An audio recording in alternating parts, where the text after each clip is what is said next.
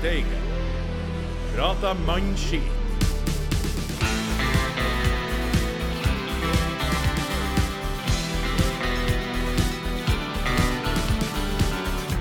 Molde har blitt knust og smadra på Aker stadion.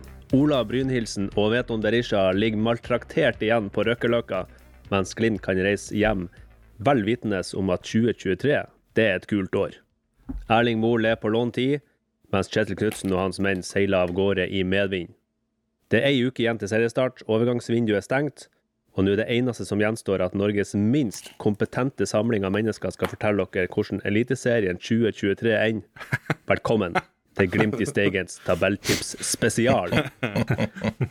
Med meg i studio i dag så har jeg Dewey Blacksmith Hill, mannen som vet mer om Du vet jo mer om fotball enn Åge Hareide. Tja. Og det en underdrivelse, kanskje. Ja, det vil jeg påstå. Vi har legenden Ravna, fyren som elsker fotball, men aldri får med seg hva som skjer. Hallo. Vi har Sasha Boré, Steigens svar på Jennifer Lopez, bare at denne karen har en flottere stjert, Takk. hvis det er lov å si. Jo, jo, jo. Og vi har en splitter ny gjest i studio, direkte med privatfly fra Sveits, hvor han jobber med tall og skjulte verdier. Det er han Røder Bajes. Veldig hyggelig at du kommer ens ærend til oss, Røder. Hei, hei. Ja, eh, kult å være på plass i Steigen. Fint å komme seg litt bort av og til, vet dere. Er det greit at vi, er det greit at vi kaller deg Bæsj? Eller er det base? Kanskje base? Bias? Nei, ba- Ja, da blir det Bæsj. Det blir base. Jeg, jeg går for Bajes sjøl, altså. Men eh, de sier jo at, eh, at eh, Sveits er på en måte en fattigere versjon av Steigen, ikke så? Er du enig? Jeg syns det stemmer veldig, veldig bra. Det er akkurat som Steigen her, bare litt færre Ferrarier og Porscher. Men ja, ellers like fine fjell, nesten. Nei, men det er nydelig. Det er kjempeflott. Da er vi samla en gjeng med elendige fotballkjennere, med unntak av Dewey Blacksmith Hill, selvfølgelig, som er i andre enden av skalaen. Det lover jo veldig godt. Men eh, gutter, vi må starte med generalprøven eh, mot eh, Molde i dag. Um, som jo endte med seier 3-2, selv om ingen fikk sett seiersmålet. Med mindre du var en av få som var på Aker stadion. Ravna, hva syns du om gjennomføringa i dag? Jeg så faktisk kampen. Jeg fikk med meg mesteparten av det, så jeg var, jeg var bare litt bakfull i dag. Men, men uh, det, var, det var interessant. Det var, jeg syns de spilte god fotball til tider. Litt av det bedre fotballen jeg har sett på Aker stadion. Så Var det eh, godt med tidlig kampstart? Du ikke fikk, eh, fikk, fikk i deg alkohylen? Som du Ja, vet du, det akkurat i dag så nedprioriterte meg og jeg nedprioriterte å drikke meg Kanakas for en VAR-test. så eh, vi sparer, vi sparer kruttet til Sarpsborg. Ja, men Nei, du vent sier nei, nei, da, da, da, da, er jeg på, da er jeg på jobb. Jeg kan, nei, da blir jeg edru òg. Du sa VAR-test. Vi var jo lova ny teknologi og, og, og en innføring av VAR. Men uh, var det VAR på kampen? Nei, de sier at det ikke var det. det, var, det var, jeg, jeg la ut en liten eh, tweet om eh, at sendinga hadde stoppa. Hvorfor det Om de da lurte Jeg lurte jo på om eh, de kommer til å stoppe kampen, siden det her var en VAR-test. Men da var det en som klippa inn et bilde, han, eh, Martin Olaf, han klippa inn et bilde fra VG der de, de sa at VAR ikke er i bruk i dag. Og at det foreløpig er uvisst hvorfor. Hva i alle dager? Så eh, den VAR-testen, den var jo ganske dårlig, må må si. I stedet fikk vi Åge Hareide, da. Det var ikke Ja, han, det. er jo, han, er jo var, han burde være i varbussen, han. Det var noe bra det ikke var det i dag. Ja. sånn. Det var, jo, det var jo bra at vi fikk se at det finnes alternativer til VAR, med de her eh, minst fem meter offside på uh, Ja, minst, minst fem meter. Men om det var var eller eh, Om det var eller ikke var Nei da, sorry. Jeg skal holde meg. Jeg, skal, jeg er bedre enn det. Jeg er bedre enn det. Um, det var jo deilig med en treningskamp mot Molde, da. Rett før eh, vi går i gang med sesongen. Syns det Ja. var eh, veldig bra. Vi har jo brukt å ha et eh, siste treningskamp på Tromsø, men nå er ikke de gode nok til å måle krefter med, så da måtte vi vel finne andre. Så det var artig med Molde. Men uh, Dewey, Ja. nå må du på banen her. Uh, Glimt stiller jo en litt overraskende angrepstrio fra start. Eh, Ja. med Sørli på høyrekant og Mvuka på venstrekant, og så har vi han Pemi Faris eh, eh, i midten. Hva, Ja. eh, hva, hva, hva tror du vurderinga var her, da? Eh, jeg tror vurderinga var at uh, Runar Espejord hadde vært litt sjuk, var det ikke så, sånn å forstå? Og, uh, yeah. og Sugelje var jo heller ikke med til Molde. Og Pellegrino var hjemme. Uh, så da sto man vel igjen med ikke akkurat førstevalgene, da. Eh, og jeg så jo litt mørkt på det her, og jeg var vel ikke den eneste i den der chatgruppa vår eh, som eh, tenkte at ja, det her, det går sikkert djevelsk bra. Men eh, man må jo si at vi fikk noe De leverte noe varene, de her karene, holdt på å si. Spesielt han Sondre Sørli, da, med både mål og målgivende. Det, selv om han var stort sett usynlig ellers, så kan man jo ikke kreve så mye mer enn målpoeng. Så det må man jo si var um, positivt, da. Hva du tenker om eh, Faris Pemi, eller Pemi Faris eh, eventuelt? Jeg syns han, eh, han eh, kjempa godt på. Jeg syns han er ikke så aller verst i oppspillsfasen, egentlig. Det var jo en del ganger der, eh, der man spilte over eh, midtbaneleddet, og, og så skjerma spissene og dempa og la videre til Mvuka eller Sørli, f.eks. Og det funka jo til dels ganske godt. Så han har kommet seg der. Sasha, um, første omgang mot andre omgang, uh, hva, hva, hva er forskjellen der, tenker du? Nei, vet du hva? Jeg så kampen uh, halvnøye, for jeg har vært uh, alene hjemme med guttungen i dag. Men eh, jeg syns begge omgangene, men kanskje spe spesielt i første omgangen, så eh, Det er liksom tendenser til knallgodt spill, og så er det fullstendig krise uh, innimellom. Uh, og jeg skjønner veldig lite av den kampen jeg egentlig så.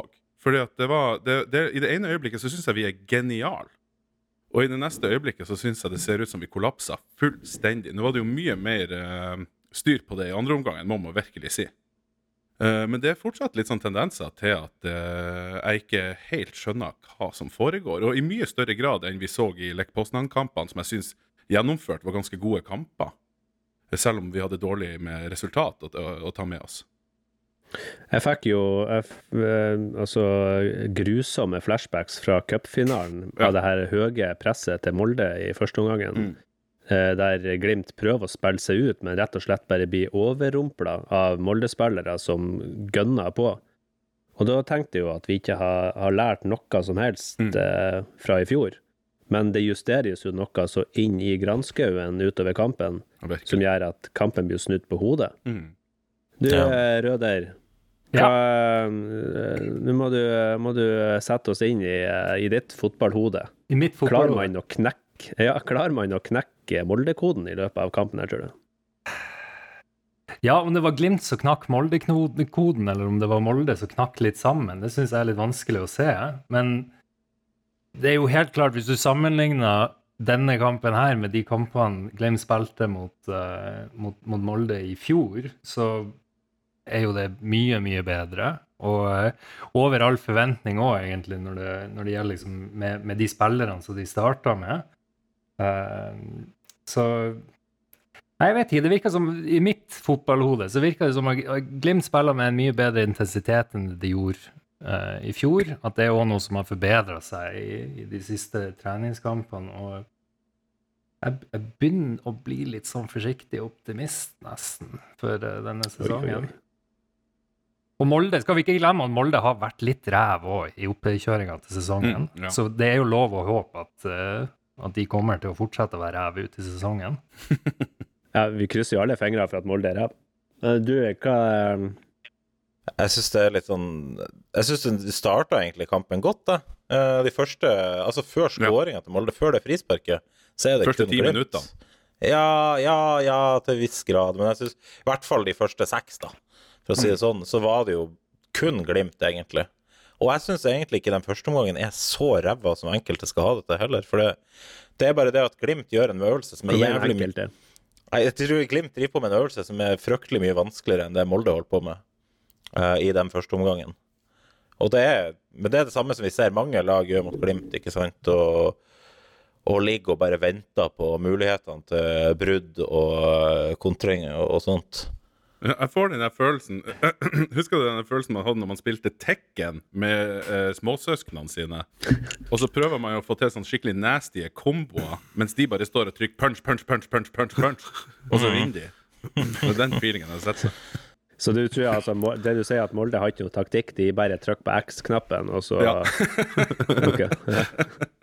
Jeg tror det, det som jeg syns, selv etter førsteomgangen, så syns jeg på en måte det som man ser av tendenser i spillet til Glimt, er på en måte mm, mer positivt enn enn det som er positivt Molde sin del. For det Molde uh, scorer på i dag, er jo Det ene er jo bare en horribel uh, miss av uh, Det er vel Joel Mvuka som går mot eget mål og får en for lang touch, som uh, Veton Berisha plukka opp. Det er jo ikke noe stor prestasjon av Berisha heller. Han er jo så heldig å stå der eh, Mvuka kommer, på en måte. Eh, og det andre er jo et frisparktreff uh, som man ja, hvor- ofte skjer det der? Én av 15 ganger? Uh, så jeg Vanskelig å forsvare seg for de. Ja, det er liksom det. Hva skal du gjøre med det? Og, og sånn sett så, er- så syns jeg jo ikke Molde skapte sånn fryktelig mye i den første omgangen der. De hadde jo et par farligheter. Men i motsetning til den andre omgangen, der var det jo egentlig kun Glimt. Så jeg syns jo på en måte Det som Glimt klarer å få til i etabler, eller mot etablert forsvar, er noe som taler veldig mye bedre for Glimt enn det Molde får til den første omgangen. Mm. Men det er nå bare mitt syn på det. Fordi at det er noe helt Jeg tror jo Ja, jeg tror nøkkelen her egentlig er midtbane. Eh, For at jeg la jo merke til at eh, spesielt eh, Albert Grønbæk, men kanskje også Patrick Berg, sleit i de her dårlige periodene til Glimt i første omgang med å holde på ballen. Eh, av det høye presset til Molde. Men utover kampen så får de jo sjekk på det her. Og Albert Grønberg eh, klarer å, å sende den pasninga, klarer å holde på ballen og Patrick Berg klarer å, å levere ball rundt, og da, da er, føler jeg at koden er knekt. Da klarer ikke Molde å stå imot lenger. Og, å sammenligne Glimt nå med de første treningskampene i vinter og europacupkamper mot Lech Poznan De dominerte ballen mye, men de lagde jo ingen målsjanser. Og i dag skulle vi jo egentlig ha slått Molde i Molde med mer enn ett mål. Hvis vi antar at slutten av andre omgangen var like bra som den delen vi fikk se.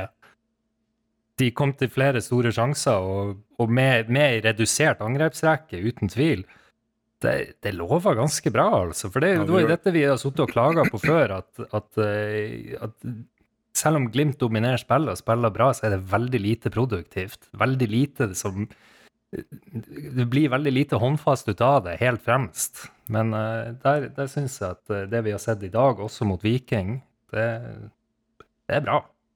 Ja, altså det, det er jo Etter de siste kampene her begynner man jo virkelig å, å faktisk kjenne at uh, pulsen stiger når det blir angrep igjen. Sant? For Mhm. at det har vært en del kamper der man bare venter på at nå skal ballen nå skal ballen trilles, eh, og så skal man spille seg rundt og inn i 16-meteren, og så skjer det ikke en mannskitt. Så, så til slutt blir man ikke spent engang. Mens nå, vi virker farlige nå. Det begynner å åpne seg opp, og vi begynner å få spisser som begynner å få målpoeng, og vi får målpoeng på assist, og vi får Nei, det, det er liksom Nå begynner det å lukte uh, fugl. Men Ravna, nå ser jeg at eh, nå prater vi langt over hodet ditt. Eh, du, du forstår jo ingenting av hva vi sier her. Så derfor eh, vil jeg utfordre deg til å gi oss startoppstillinga mot Sarpsborg 08 i første Ah, serierunde. men ikke, ikke spør meg om det, da. Jeg, jeg spør på topp. Haiken i mål. Ja, ja, nei, jeg, går litt, jeg går litt fram og tilbake. Nå skal vi jo jobbe litt, jobbe oss gjennom det her. Espejord på topp. Uh, Muka, Pelle, Berg, Vetlesen eh, og Grønbæk. Bjørkan, Lode, Mo og Bris. Ja. Og Haiken. Jeg tror du at det er Lode som starta? Ja, ganske trygg på, ganske trygg på det. Ok, Er du enig, Sasha? Ja, jeg tror òg det. Jeg tror, jeg tror Det var kult å se eh, Odin, eh, men eh, jeg, tror, jeg tror også enn så lenge så er startelveren uh, Lode sin. Altså det, det jeg tror er første oppstillinga, og det jeg håper er oppstillinga, det er to forskjellige ting. Jeg håper jo på at han Isak skulle få sjansen fra start. Ja. Jeg, jeg hadde håpa at han tar eh, egentlig Lode sin plass, sammen med han eh, Mo. Men eh, jeg tror ikke det kommer til å skje. Ikke det at han Lode er så dårlig, men jeg syns han Isak er hakket hvassere. Kort og greit. Er det, er det fordi at du tror Bodø-Glimt er bedre med Isak Amundsen enn Marius Ja. Lode, eller er det fordi at det rykker litt ekstra i mannebeinet ditt når du ser den jo, ja, det det er, litt, kraftige Brønnøysundværingen løpe ut? Det er et godt poeng, eh, Bison. Uh, men uh, det er, det er Jeg syns han Isak er god til å dra av det første presset, komme seg litt høyere i banen og litt, være litt mer offensiv enn det han Lode har vist. Dæven, det hørtes jeg ut som Det hørtes jeg faen meg ut som en ekspert, jeg òg. Ja, du er god. Hva er det som skjer? Ja, nå er vi Det, jeg kan ikke ha noe Nå må vi over til det neste segment her. Hvis vi, vi må ha litt mer mannskittprat. Jeg må bare si at jeg håper jo at eh, vi får se litt rullering, for jeg tror jo at vi har fire nå midtstoppere som har hver sine kvaliteter som man kan, eh, man kan jo legge opp litt etter hvem man møter. For i dag så er det jo eh, Brede Mo er jo ekstremt viktig for å ta den her han, eh, slasken eh, på topp de har på Molde, de han Veton Berisha. Eh, mens andre ganger så kunne det vært bra å ha Isak Amundsen som kan eh, hjelpe framover mot lavtliggende lag. Så det, det blir spennende. Jeg tipper Kjetil Knutsen vet det her bedre enn noen av oss. Der, er- der er vi alle enige. Angående rullering, hva er egentlig byttereglene nå? Tre, tre bytter, men så mange spillere man gidder? Nei, det er fem Du kan bytte fem spillere i tre forskjellige omganger. Er det ikke sånn det Ja, det, er- det er det fem spillere. Tre. Ja, jeg tror det. Er det tre omganger? Jeg tror de har beholdt det Ja Tre, tre bytter. Men du kan jo bytte Ja. to spillere to ganger, og én spiller i siste bytte. Det var ikke noe sånn egne europagreier. Det, var- det er generelt i Eliteserien. Ja, det var noe i Eliteserien under koronagreiene, iallfall. Ja, så har de vel ja. ikke oppheva det foreløpig, tror jeg. Ja, jeg kan så lite om sånn her. Men en annen ting, eh, er det, er det sånn at alle fotballkamper skal starte klokka fem nå? Yep. Har de slutta med Ja, er det en greie? Det er fast? eh. Eliteserie, hovedrunden i Eliteserien skal gå klokka fem på søndag. Ok. Jøss. Kult. Ja, OK. det- Nei, men da har vi jo oppklart ekstremt masse her, så da tenker jeg at vi kan gå videre til eh, et litt mer eh, hjemmekjært eh, segment som heter for Sasha, Sasha, gi oss en sang. Sasha, Sasha, gi oss en sang. sang, sang, sang, sang. Sasha, du Det er jo ikke sånn at du har blitt eh, Glimt-musiker eh, idet vi starta opp denne poden her. Nei, det her eh, eh, lille eh, Hva man skal si Det som var en bigeskjeft som jeg nå livnærer meg 100% av, nemlig å lage Glimt-låter, det, det begynte jo det Hadde jo sin spede begynnelse i eh, tid var det? Det var i eh, januar 2022, var det ikke? Det stemmer, det.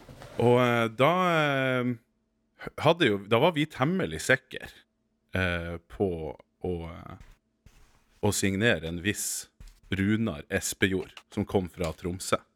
Vi var så sikre at uh, jeg tror det var Jeg tror det var i løpet av fem minutter ifra ideen ble liksom unnfanga, til den var innspilt og sendt over til Twitter-ansvarlig i Glimt i Steigen Uh, for å lage en liten velkomstvideo til uh, Runar Espejord før han kom til Bodø.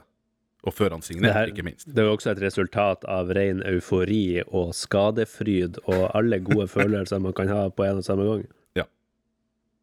Det var det. Det var, det var altså et sånt eh, nivå av både kjærlighet og eh, feromoner og blod som fløt til eksterne lemmer og Nei, det var det var sånn stemning. Så, så da ble det rett og slett eh, Det her var første og enkleste formen. Det var at jeg satte meg ned med pianoet, og så sang jeg en tekst som vi har vi har eh, liksom fått snekra i hop her. Og um, det er jo kjent som en låt som uh, Jørn Hoel har gitt ut. Men det er jo stjerna fra Rognan som er bakmann og jern her. Og det var jo òg et lite poeng i det her. Selv noe av det flotteste som, angivelig kommer fra Tromsø, er egentlig fra Nordland.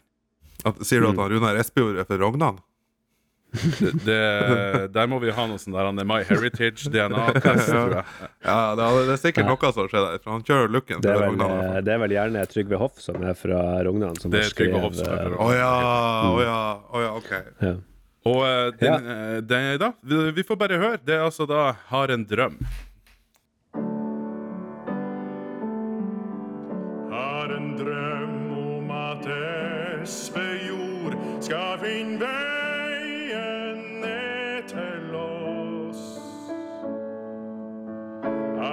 drøm om at lillebror tap hver en gang vi slåss. Han Runar testes fot og brøst, og før natta kjemar vi fått svar. Men for TIL finnes ei fattig trøst, imot Qatar.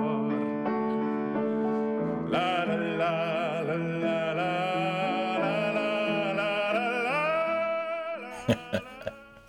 la den er så fin. Den er så, den er så nydelig. Helvete heller. Det er stor kunst, det der. Jeg husker Ja. jo når denne sangen eh, kom ut, så var det jo den her stakkars Twitter-ansvarlige vi har i Glimt i Steigen, ble jo nedrengt av TV 2 og Eurosport og NRK og Nordlys og Avisa Nordland. Eh, vedkommende hadde vel aldri opplevd maken til press. Altså Vanligvis så står vel vår Twitter-ansvarlig i en shitstorm eh, uten like fra Vålerenga-fans og Rosenborg-fans og Viking-fans og hvem vet hva. Men denne gangen så var det bare ren hyllest. Og Glimt. Og Glimt-fans, ikke minst. Nei da, altså det var jo, det var jo en, eh, en det, det var en låt som tok litt av, som du sier. Det var mange som plutselig syntes at det der var interessant å høre på. Og eh, det tror jeg kom litt som en overraskelse for oss som bare spydde ut noe på, på fem minutter her eh, i, i pur glede og skadefryd.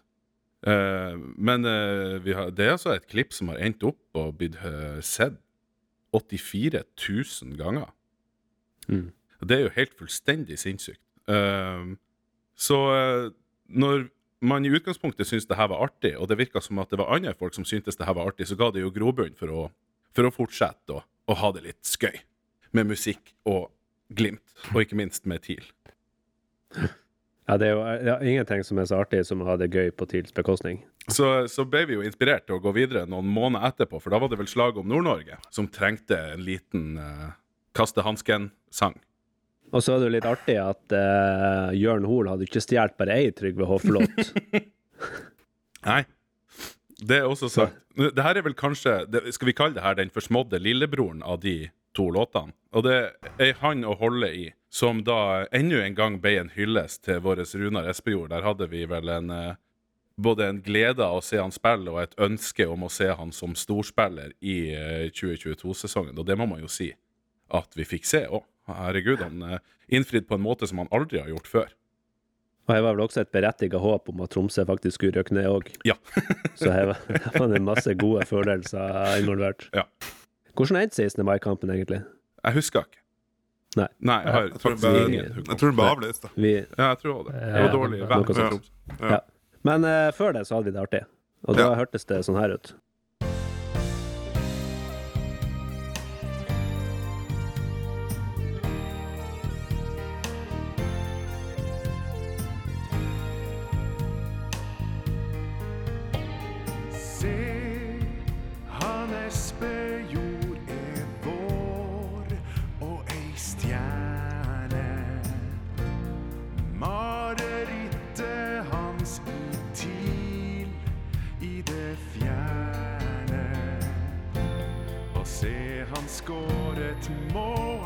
Selve nakne livet.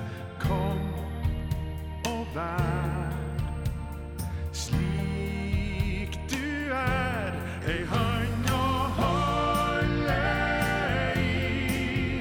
Når TIL slit som lag, og når lillebror kjenn frykta veks med hvert et hjerteslag.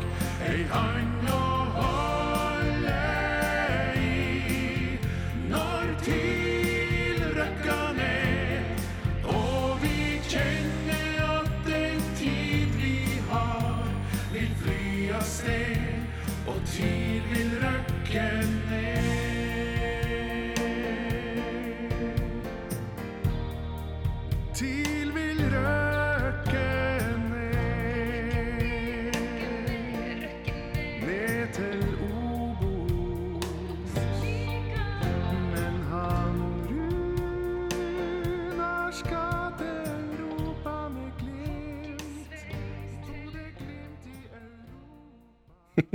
Og det, altså, det er hver gang jeg hører denne låta der, så blir jeg så glad. Jeg blir så glad. Jeg blir nostalgisk. Det er så lenge siden det her. Åh, vet du, jeg syns du skulle ta hele altså, Jeg vet ikke om Jørn Hoel har en sånn Best of-album eller noe sånt. Men jeg tar alle, alle låtene. Det er sikkert tre låter på det Best of-albumet. Men jeg gjør alle de til Glimt-låter. Å, Det er så nydelig. Han. Runar er fett god. Du-du-du-du-du. Oi, oi, oi. Ja. Nå ruller vannet.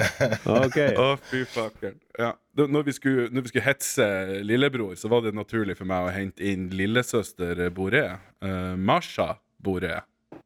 På, eh, på den her eh, Dere hører den her vokalen som både er koring og litt sånn uh, synger i lag med meg på slutten og sånn. Det var veldig koselig.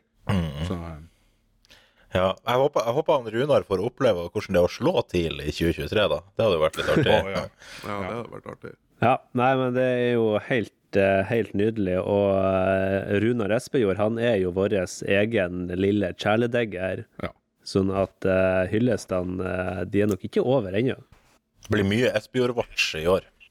ja, det tror jeg. Det er- jeg- Hvis det er én spiller jeg har trua på i år, så er det Runar Espejord. Jeg håper at uh, hvis det blir ei julelåt vi skal i gang med uh, etter sesongen er endt, så er det for å hylle toppskårer Runar Espejord. Ja.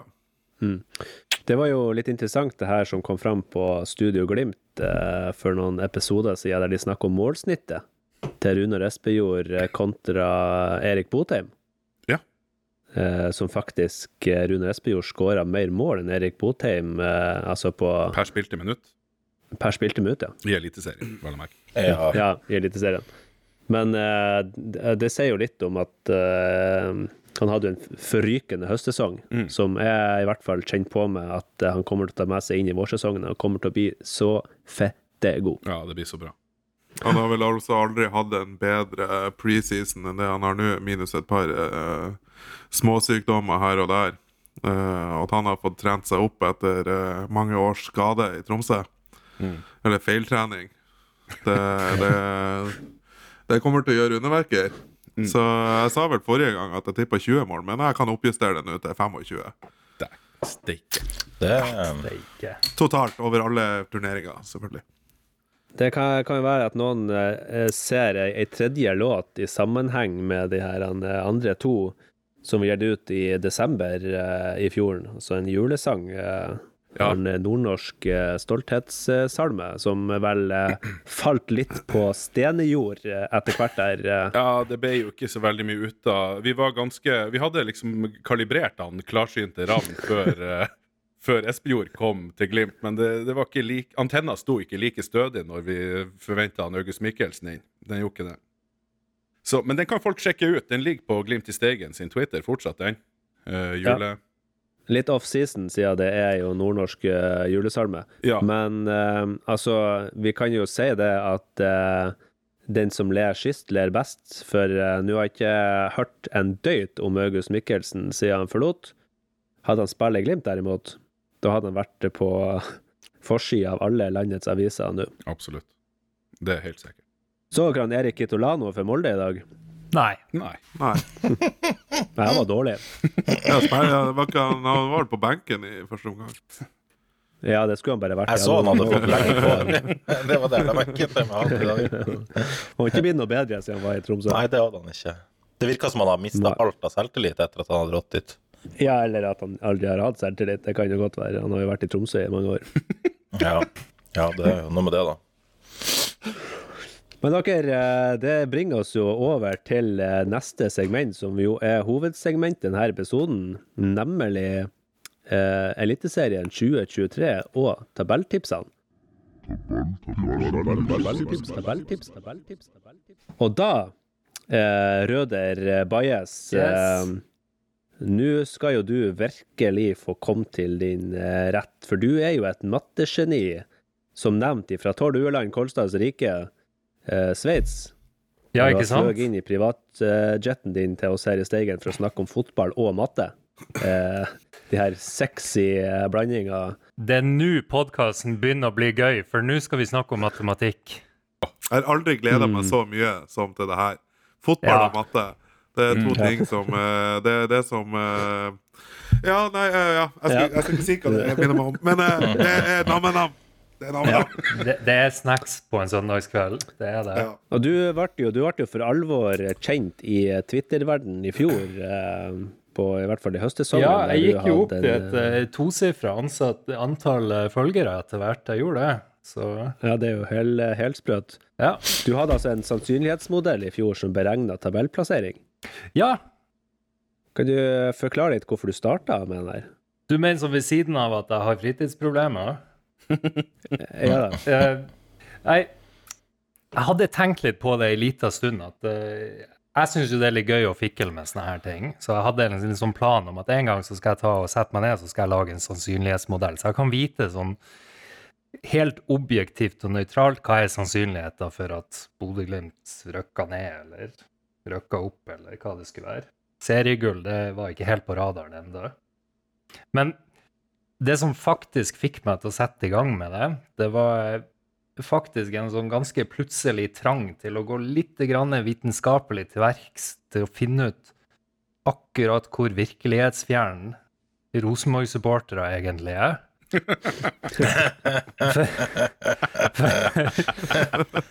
For, for det, dette var på Ja, det er jo sikkert studiet. Ja, altså det, det kan man studere lenge, tror jeg. Men eh, for det var på høsten i, i 2021, da, da var det jo Det var jo Glimt og Molde som alle kunne se skulle gjøre opp seg imellom om seriegullet. Og Rosenborg de lå et stykke bak eh, etter en ganske dårlig start på sesongen, som, som vanlig. ikke sant? Og så hadde, Fordi Rosenborg hadde, de hadde vel vunnet et par kamper på rad, og så sikkert litt pga. 90-tallet, så var det noen eh, Rosenborg-sportere på Twitter som mente ganske bestemt at nå vinner Rosenborg serien. Og hvis man da tok en sånn kjapp kikk på tabellen og kampprogrammet, så ser man at for at det skulle skje, så måtte plutselig Rosenborg begynne å prestere mye bedre enn de hadde gjort tidligere i sesongen. Som ikke var umulig, men ganske usannsynlig. I tillegg måtte både Molde og Bodø-Glimt begynne å tape flere kamper der de er soleklare favoritter. Og det var jo òg ikke umulig, men ganske usannsynlig. Og at de lagene rundt Rosenborg, sånn Lillestrøm og Viking og sånt, de måtte De kunne ikke gjøre det noe bedre enn Rosenborg. Ikke sant? Når man legger alle disse tingene sammen, så ender man opp med noe som er veldig usannsynlig. Så jeg begynte å regne på det. en konklusjon om at trøndere er ganske dum. Det er det Jo, ja, men så skal jeg ikke hive Skal jeg ikke bare hive trønderne under bussen her? Jo, jo, jo, gjør det. Jo, jo, jo, jo, gjør det. Gjør det. Gjør Det det. er derfor du er her. Gjør det! Gjør det! Si at, si at tromsøværinger er dumme òg. Kom igjen, gjør det! De er jo det, da. Ja, ja, ja, takk. Yes. Men, men eh, Nei, for det, Så poenget er at uh, det jeg oppdaga litt underveis, det er det at jeg tror altså ikke bare Rosenborg-supportere, men også normalt intelligente mennesker har en litt sånn Ofte lider litt av en mangel på grunnleggende forståelse av sannsynligheter og sånt. Og det kommer ofte frem når man synser om fotball. For hvis jeg får lov å ta noen sånne matte-fun facts for dere Ja. Ja, ja, kjør på! Kjør så, på. så kan du høre hvor, eh, hvor, eh, hvor godt orientert dere er. Altså, én eliteserierunde, det er, 24, det er åtte, åtte kamper. Og hver kamp kan ende med hjemmeseier, uavgjort eller borte. Og da, Vi er med, har, er med så langt. ja, ikke sant? Det høres kjent ut. Ja, og de, de som har spilt litt på tippekupong og sånt, de er litt sånn kjent med det her. At det, da er det ca. 6500 forskjellige måter disse åtte kampene kan, eh, kan utspille seg på. Ja, det er det Jeg jeg datt av nå. Ja, her. her. Du, da tar jeg deg. Jeg trodde det var tolv kamper på en tippekupong. Ja, Ja, ja, men si, si at tippekupongen var åtte kamper, da. Så, eh, og hvis du bare tipper helt tilfeldig, så er sjansen 1 til 6500 for at du tipper riktig rekke. Hvis du da hvis du skal liksom prøve å spå tre kamper frem, eller tre runder, det er 24 kamper, da er det plutselig eh, nesten 300 milliarder forskjellige måter at, eh, at, at disse 24 kampene kan utspille seg på. Tok du det i hodet nå? Nei, jeg regna det ut. 6500. Fy faen, altså. Du er så og- smart. Og, og, dette, og dette er ikke Jeg kan telle til tre milliarder. Må ikke dere få han til å miste tråden? Og la han eh, ja, sorry, sorry. sorry. Men, uh, og en siste. Det er 16 lag i Eliteserien. Vet dere hvor mange ulike rangeringer det er mulig å lage av de 16 lagene? Altså Nei. på slutten av året, liksom? Eller altså, Ja, altså, hvor mange forskjellige rekkefølger er det mulig å sette de 16 lagene opp i? Uh, Blir det 16 Det er ganger 16 16? ganger 15 16 ganger 15 ganger 14 ganger 13. Er det? Der, der har eh, Ruben helt riktig. Det er Mm. 16 fakultet, og det blir til slutt til ca. 21 billioner, altså 21 000 milliarder. Jeg kjenner jeg blir kvalm når du sier så store tall. Ja, det Men fotball skal være enkelt. Ikke sant? Det, det skal være enkelt, og den er jo egentlig det, for veldig ofte så koker det bare ned til hvem ser ut som det beste laget, og det er jo litt deilig. Men hvis, man er liksom, hvis det er sånn fire serierunder igjen, og det er litt jevnt, da, da, da er det ikke en menneskehjerne som ikke er på et sånn veldig spesielt sted på spekteret, som greier å få noen sånn fornuftige sannsynligheter eh, ut, av, uh, ut av kampprogram og, og tabell. I hvert fall ikke jeg. Og, uh, så derfor så, så må man ty til litt sånn matematiske metoder og litt simulering for å, for å få noe mye mer fornuftig enn de aller, aller fleste menneskene greier å gjøre oppi hodet sitt. Så det, det gjør jeg. Men er det her grunnen til at du bor i Sveits, at du er så rik på tipping fordi at du har en eh, ekstremt bra modell? Vel, om modellen er bra, det skal ikke jeg svare på.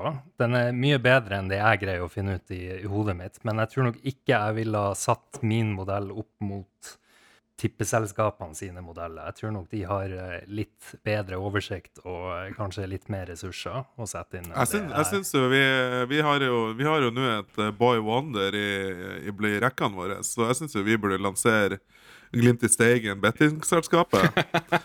med kontor på Malta. Og, og jeg som eh, Jeg vil jo gjerne være ambassadør.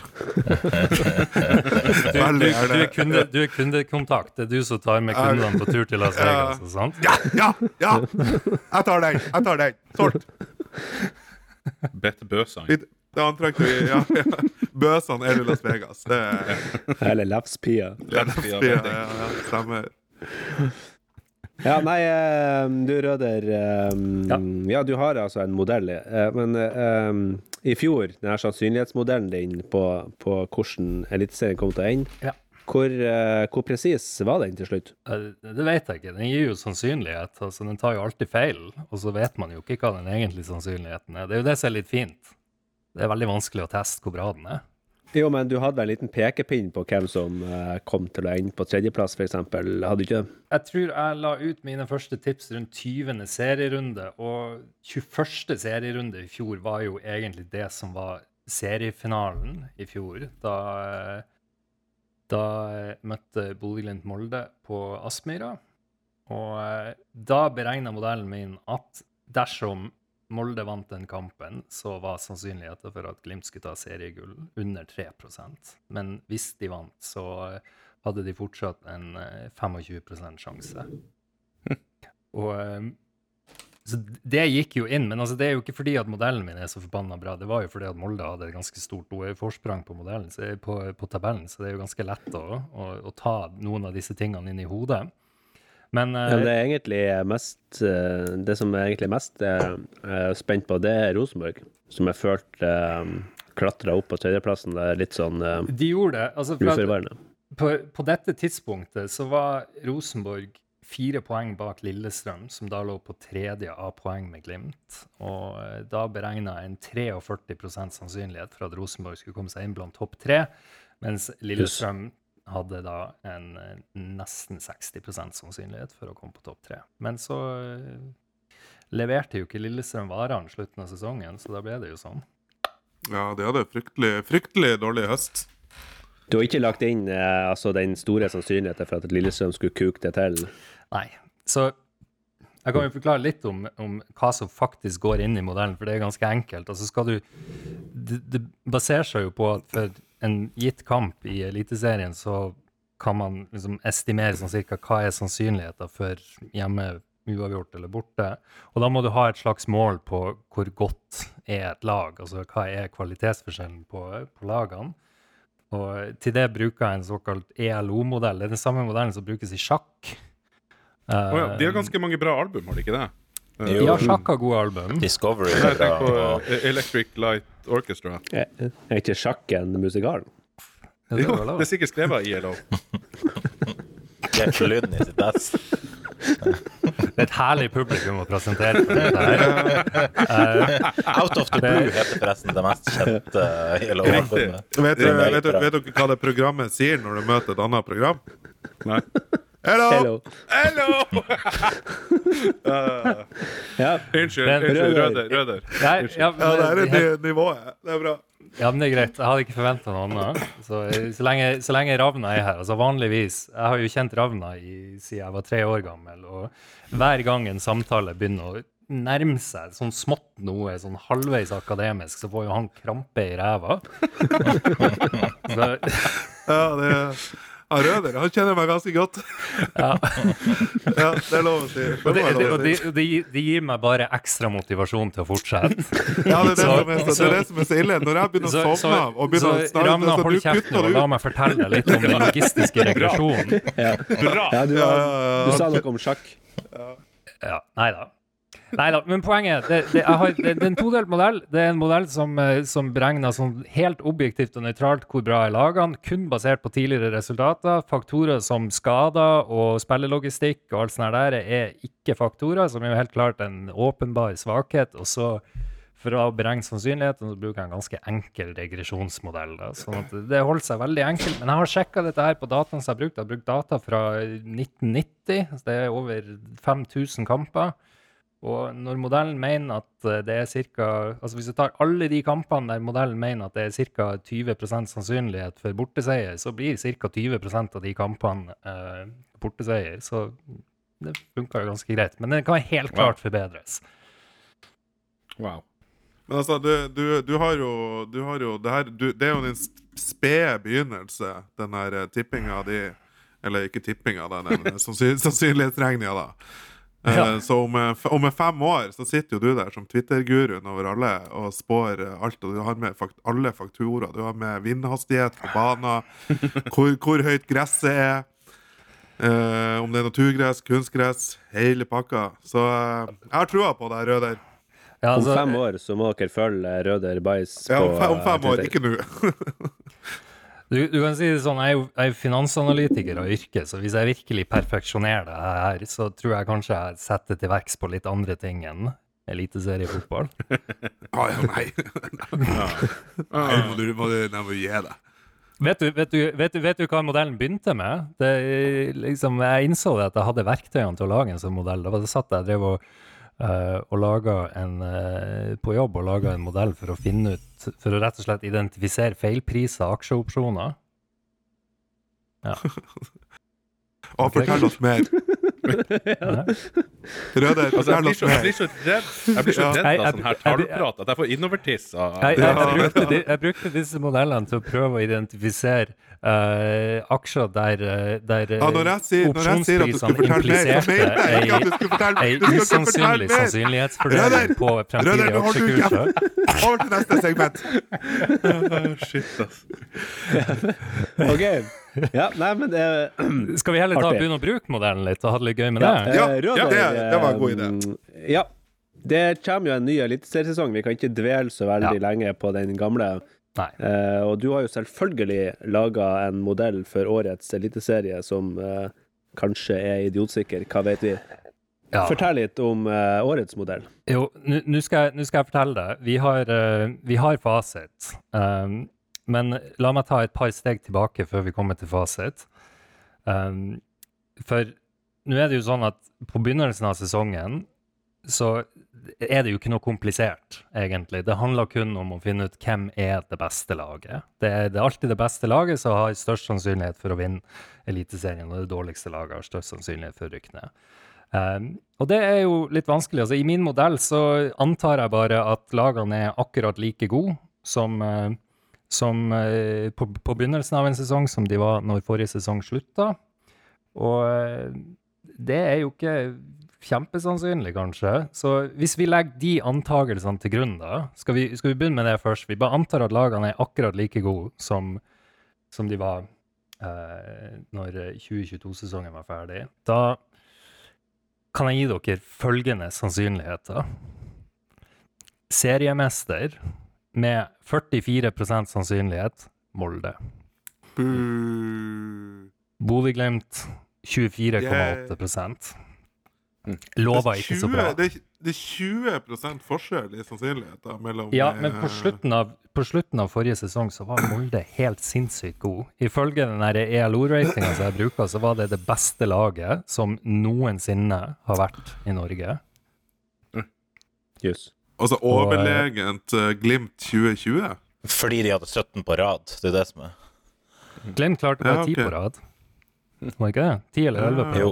Men Glimt vant flere kamper allikevel. Det gjorde de. Men uh, siden, siden Molde har vært med i toppen lengre enn Bodø-Glimt, så telles det òg litt med. For den drar med seg litt gamle resultater òg. Um, men så har vi jo sett nå i preseason at Molde er nok ikke så sterk som de var på slutten av sesongen i fjor. Og vi har sett med andre lag som f.eks. Brann. Der antar jeg med min modell at de er sånn cirka like gode som de lagene som røkka ned i fjor. Og Brann har jo faktisk vært det beste laget i preseason i år, så da må Så det, vi gå så det du sier, er at modellen din er søppel? Akkurat det før det- første serierunde er det søppel, hvis jeg bare antar at lagene er like gode som i fjor. Men vi Ja, men da er, du, da, er da er du jo i riktig podkast for å forklare ja, Ikke eh, sant? Ja, men, men vi, har jo, vi har jo fasit til slutt. Og det, så neste steg da er OK, hva om vi justerer bare litt? Grann? Vi kan ta og kjøre alle preseason-kampene. Da har jeg tatt alle preseason-kampene, treningskamper, cupkamper, europacupkamper eh, mot lag fra førstedivisjon eller høyere, og eh, latt disse ratinga bli justert. eh, sånn at eh, det er tatt høyde for eh, siste måneders kamper. Og da får vi litt andre sannsynligheter. Molde, seriemester, 33,5 Hmm. Bodø-Glimt, 23,3 Glimt har jo heller ikke hatt en fantastisk preseason, egentlig. Nei. Og da er det et par andre lag som har meldt seg på. Lillestrøm har 8,2% sannsynlighet for å vinne. Sarpsborg 7,5% Sarpsborg har ganske imponerende preseason de òg, altså. Og Brann, for eksempel, de eh, har en 4% sannsynlighet beregna på å vinne serien, hvis vi legger preseason til grunn. Da blir det jo litt mer interessant. Det blir litt mer interessant. Vi begynner vi å nærme oss. Og HamKam har 47 sannsynlighet for å rykke rett ned. De er Ja, da, ja det, er vi enige, det er vi enige om. ja. Nei, det er mer 90 tipper jeg. Ja, men eh, du, du du, eh, Altså Han Røder han kan jo telle til tre milliarder. Det kan ikke du. Nei, det er sant. Det Nei. er greit. Så eh, jeg Ja. Det 300 her. milliarder. Rana. Å, dæven! Fins det så dæven! masse tall? Ja, det ja, ja. Det, uff, uff. Ikke sant? Eh, det er bare så mye man kan gjøre med matematikken. Man trenger skarpe hoder, og i Glimt i Steigen så er det jo et knippe av de skarpeste hodene i hele Fotball-Norge. Og, og, skal tippe 16 lag i sånn riktig rekkefølge på tabellen kan være litt vanskelig. Så vi har tatt, slått sammen disse skarpe hodene med denne modellen her. Så har vi forenkla problemet litt. Uh, vi har tatt alle lagene i hele Eliteserien, og så har jeg bedt dette intelligente panelet om å gi meg deres magefølelsessannsynlighet for at dette laget greier å slå Bodø-Glimt på henholdsvis hjemme- og bortebane, og at alle disse lagene, hva er sannsynligheten for at de greier å slå et sånn helt middels 8.-9.-plasslag på henholdsvis hjemme-bortebane? Og så tar jeg disse sannsynlighetene som jeg har fått av dette intelligente panelet, og kjører det baklengs inn i modellen, og justerer sånn at modellen spytter ut sånn cirka de samme kampsannsynlighetene, og simulerer fremover med det. Du kjører opp i ræva! Å, kjører du baklengs inn? Han du kjører opp i ræva!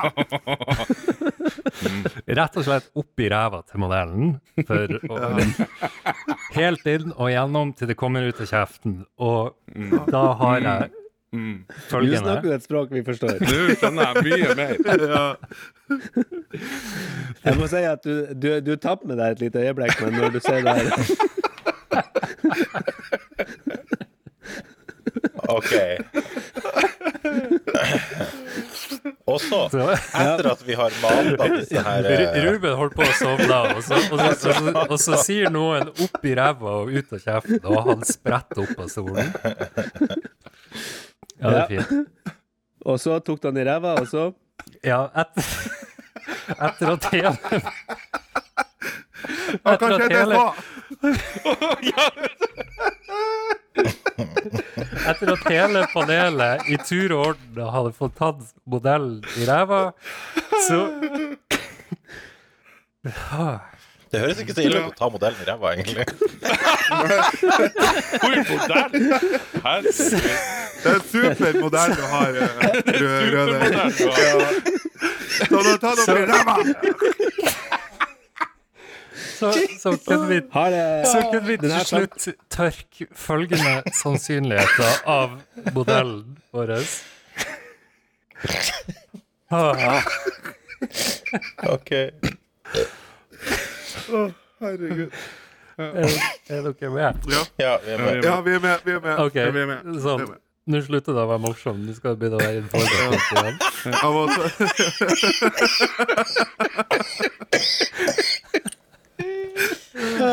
faen, holdt på å svime av her. OK. Ja, ja OK. Eh, Ja. Topp topp fire ifølge vår supermodell og ekspertpanel. Molde på førsteplass med 38,3 sannsynlighet for å vinne Hva i alle dager? Ja, altså, dette er basert på deres input. Altså, her er det noen som burde gå og skjemmes.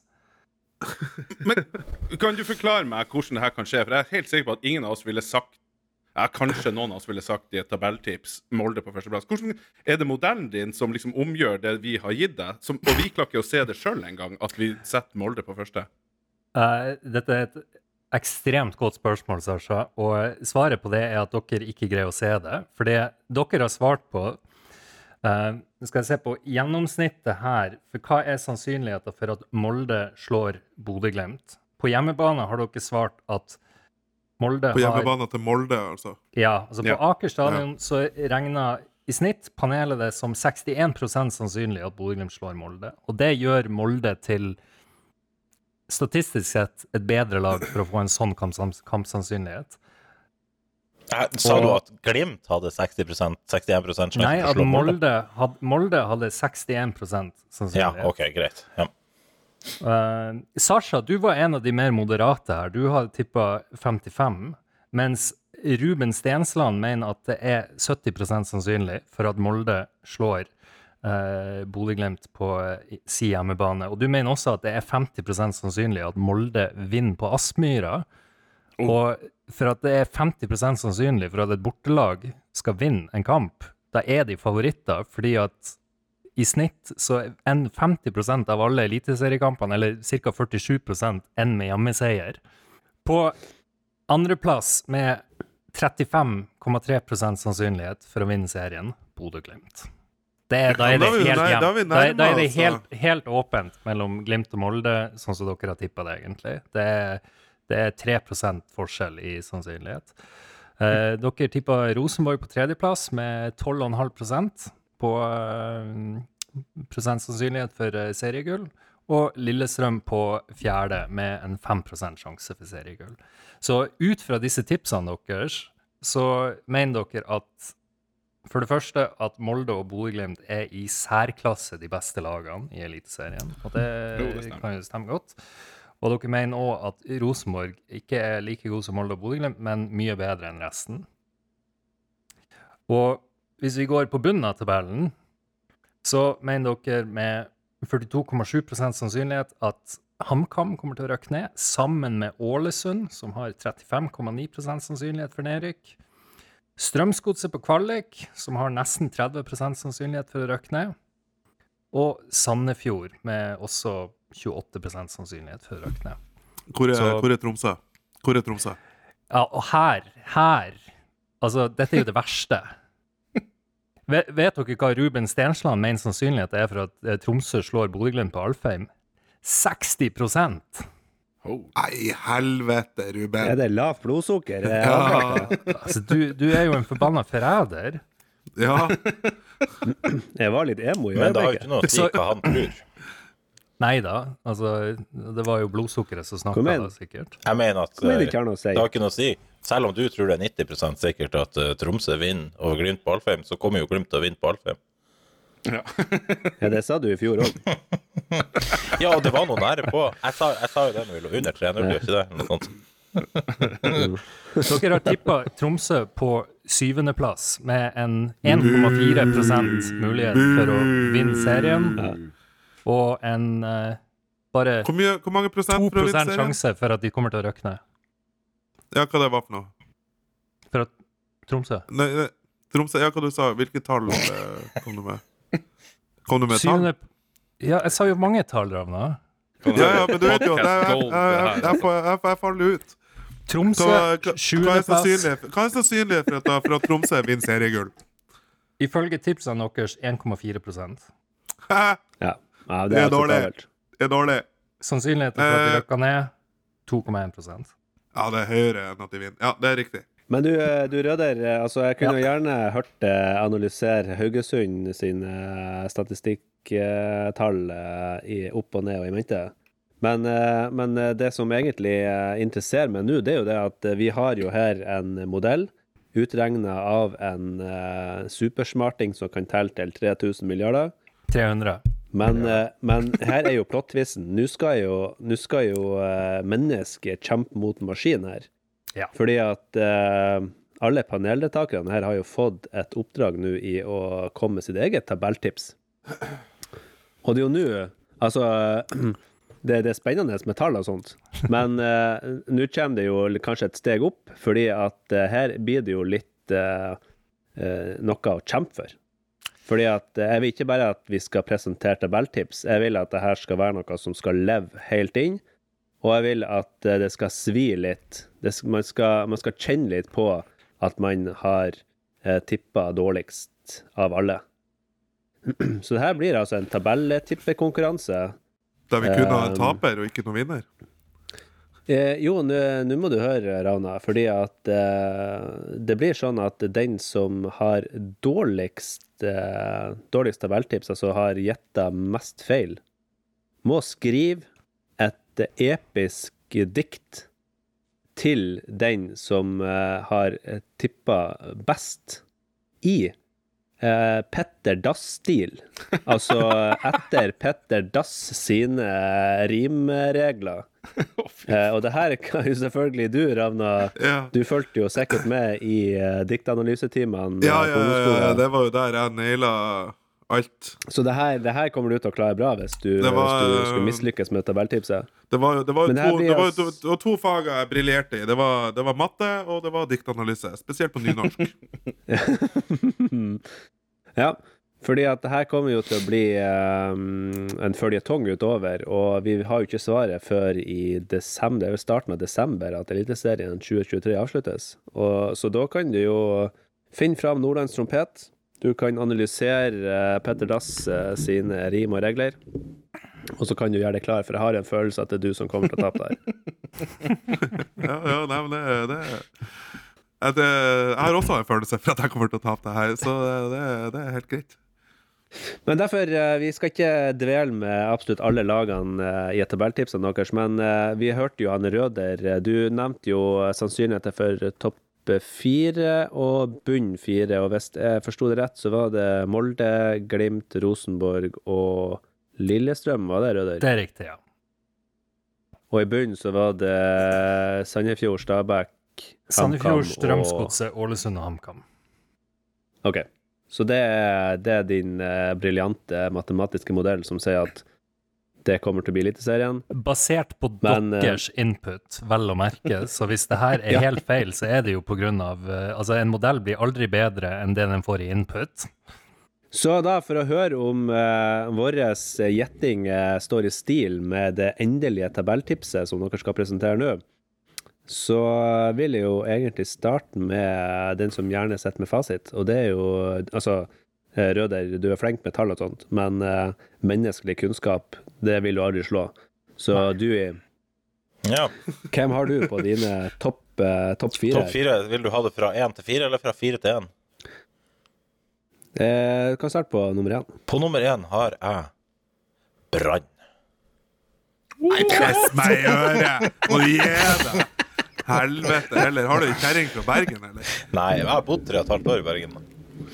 Ja, Men eh, nei, der altså har vi, da har vi, da har vi svaret. Dette her er også en, eh, en solid eh, Et solid forsøk på en ordentlig jinx. For jeg er, jeg er pissenervøs for at Brann bare skal seile gjennom med hele serien på den medgangsbølgen deres. Og de har jo vært gode. Det er jo ikke sånn at de, det er ikke bare fettlag de har møtt i oppkjøringen heller. De har jo Hva slo de ikke i FCK eller et eller annet? I hvert fall uavgjort. Spilte uavgjort mot FCK, så slo de Hammarby. Ja. Ja. Nå skal jo, altså, Viking slo jo FCK, og Glimt slo jo Viking igjen, så, så ja. Det, man vet jo ikke hvor mye man kan legge i det, da. Men uansett, jeg har eh, trua på Brann, altså. Eh, Bård Finne Han er bare å få inn på Fantasy for de som driver med sånt. Det gjør jo ikke vi, selvfølgelig. Um, men Nei, jeg tror de blir gode. De har mye ungt spennende på gang. Eh, på nummer to så har jeg Bodø-Glimt. Yay! Ja, jeg håper jo selvfølgelig de to bytter plass, men eh, det får vi nå se på. Eh, på nummer tre har jeg Molde. Og på nummer fire er jeg så original at jeg har Rosenborg. Ja. Of course. Eh, feil Det er spenstig. Feil fasit. Ja, vi får se. Spenstig, i hvert fall. Ja, det kan bli et Petter Dass-dikt ifra han uh, Dewey. Ja. Eh, 14., 15. og eh, 16. Eh, 13., 14., 15., 16. Ja, å ja, 13. Å ja. Jeg sier s- um, Ålesund. Ålesund på 13. Og så har jeg Haugesund på kvalik. Jøss. Ja, dem, jeg føler på en måte dem I mange år nå har jeg tenkt at i år er året der Haugesund gjør det ræva og holder på å ryke. Men så gjør de jo aldri det. Men i år, i år er året der Haugesund holder på å ryke. Eh, de som faktisk ryker, det er på 15. Strømsgodset. og på 16. HamKam. Ja, nei, men uh, spenstig. Det høres ut som du kommer til å tape. Uh, Sasha, Yes. hvem du har på topp fire? Uh, disclaimer her er jo at med meg og det her, så er det jo Jeg har ikke fotballhode altså på den måten. Det blir ren gjetting og ganske safe fordommer. Men jeg prøver nå. Nummer én. uh, FK. Bodø-Glimt. Yay! Yes, baby. Nummer to. Molde fanklubb. Nummer tre. Det her er vel kanskje der vi begynner å uh, eh, Det begynner å bli litt forskjellige svar og sånn. Jeg tar Brann på nummer tre. Jeg er litt enig. Jeg syns de ser helt sinnssykt uh, hissige ut, det, det, det de holder på med. og sånn. Så jeg tror de kan gjøre det bra, men jeg tror ikke de gjør det like bra som han Dewey. Uh, så jeg sier Brann på nummer tre. Så drev jeg og sleit litt i hodet mitt. Skulle jeg ha litt trua på Lillestrøm i år? Jeg har ikke trua på Lillestrøm i år. Det blir RBK på fjerde. Mm. Jeg er enig. Ja. Men i eh, bunnen, da? Tromsø? Tromsø, Tromsø, Tromsø? Her skyter jeg jo med hagl, og så uh, får vi se. Men eh, det er klart, det er jo firedobbel Tromsø hvis man hadde fått som man ville, men jeg tror at uh, Odd ligger og vaker. På kvalik har vi Haugesund. Jeg tror uh, Jeg er enig i det han Dewey sier om at her uh, De har ligget i faresona, og jeg tror det, det kommer de til å fortsette å gjøre. Og de to på bunnen, som fær og skal ha seg en liten tur i Oslo boligsameie, det er Sandefjord, og det er Hamar-kompisene. Ikke dumt, det der. Står Obos for uh, Oslo boligeierlag? Jeg vet ikke. Oslo bolig... Det- Samme det, det er samme som uh, Bodø boligbyggelag, bare i Oslo. Og litt okay. større. Bitte litt større. Ja, greit. Takk. Spennende. Uh, da, Ravna, du er Ja. spent. Altså, det, det, nu, det har vi jo fasiten på Altså Vi har fasiten her, gutta. Um, ta det helt med ro. Jeg har, eh, jeg har, eh, jeg har det klart. Uh, altså, det, jeg kommer ikke til å satse på at uh, Glimt tar gullet i år i et tabelltips, fordi at jeg er litt overtroisk der. Jeg vil ikke uh, jinx det. Så jeg har satt Molde på nummer én, og Glimt på nummer to. Som eh, de fleste andre. Og så, nei, men, ja, men når jeg ser over tipsene mine, her, så er det jo ikke noe Det er ikke så veldig forskjell fra de andre. Jeg har Brann, på tredjeplass, og det var egentlig etter eh, jeg så eh, dagens kamp, der de, de vant vel 6-0 mot Sogndal. Bård Finne satte tre mål. Så de, de virka sterke i år. Og så har jeg satt LSK på fjerde. Eh, jeg tror at LSK kommer til å få en helt OK sesong. Ikke noe i nærheten av det det var i, i starten av sesongen i fjor. Men uh, jeg tror det kommer til å være en liten glipe mellom topp tre og uh, fjerdeplassen. Og så kommer Hvordan er vurderinga di da Hvordan er vurderinga di, Ravna, da med RBK? ja, RBK er satt på femte. Du har det, ja? Og det, kommer, altså det er lang glipe ned fra Brann til LSK, og så er det helvetes lang glipe ned til femteplass. Altså, de, de kommer til å tape så mange kamper i år at Rosenborg er så ræva. Eh, så det Vi skulle jo bare ta med topp fire, men jeg har tatt med Rosenborg på femte. Hvorfor har du ikke satt deg på nedrykk hvis de er så ræva? Ja, men det, det, det ene de, de, de, de spiller ræva fotball, men så kommer det en eller annen sånn 90 minutters eh, scoring som gjør at de, er, de, de berger en uavgjort, eller Ja, de, de kommer til å flakse til en femteplass. Men eh, Og Uh, det, det som jeg legger til kanskje grunn der, det er at de kommer til å ligge på rundt en tiende-ellevteplass til halvspilt sesong, og så sparker de han Rekdal. Og så får de seg en liten oppsving. Enten av Tom Nordli eller hvem det måtte være. Kanskje han Åge Hareide gjør comeback. Jon Arne Riise. Jon Arne Riise, ja, det hadde vært fantastisk. Alle vil jo at han skal gjøre det bra. Eh, og så eh, Og så kommer de til å klatre litt på tabellen utover høsten der.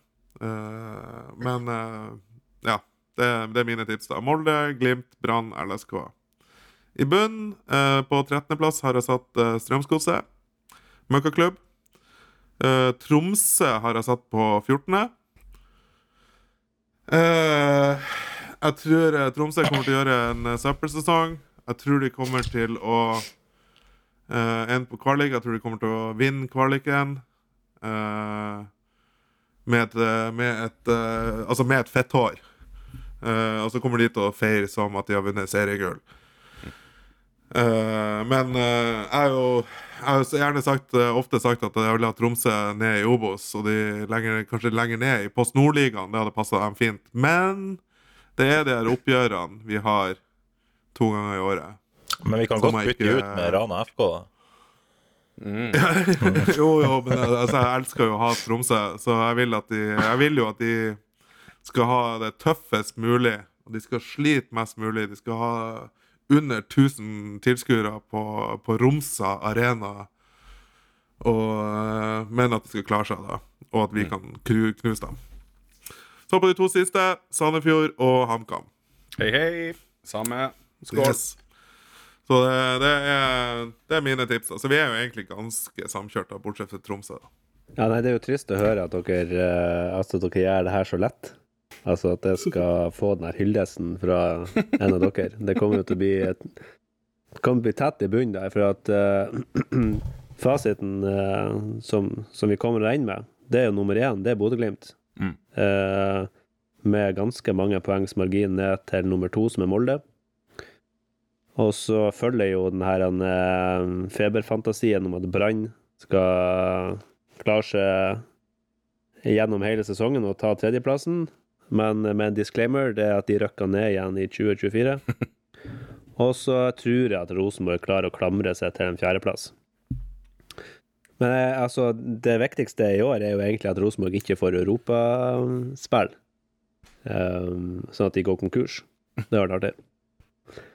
Så i bunn, der har jeg på 13.-plass, der er Stabæk. Eh, 14.-plass, der har jeg HamKam. Og så er det Ålesund på 15. og Sandefjord på 16. Steik. Så eh, egentlig så er vi jo ganske ganske likt der. Så det kan jo hende at det faktisk er det her midtsjiktet som kommer til å avgjøre eh, hele greia. Og det tar vi og legger ut på sosiale medier, så folk kan følge med at ikke vi juksa. Gjør vi ikke det? Får, får jeg lov til å gi et mennesketips, jeg òg, eller er det bare maskin som får snakke på mine vegne? Du er jo du er jo en maskin.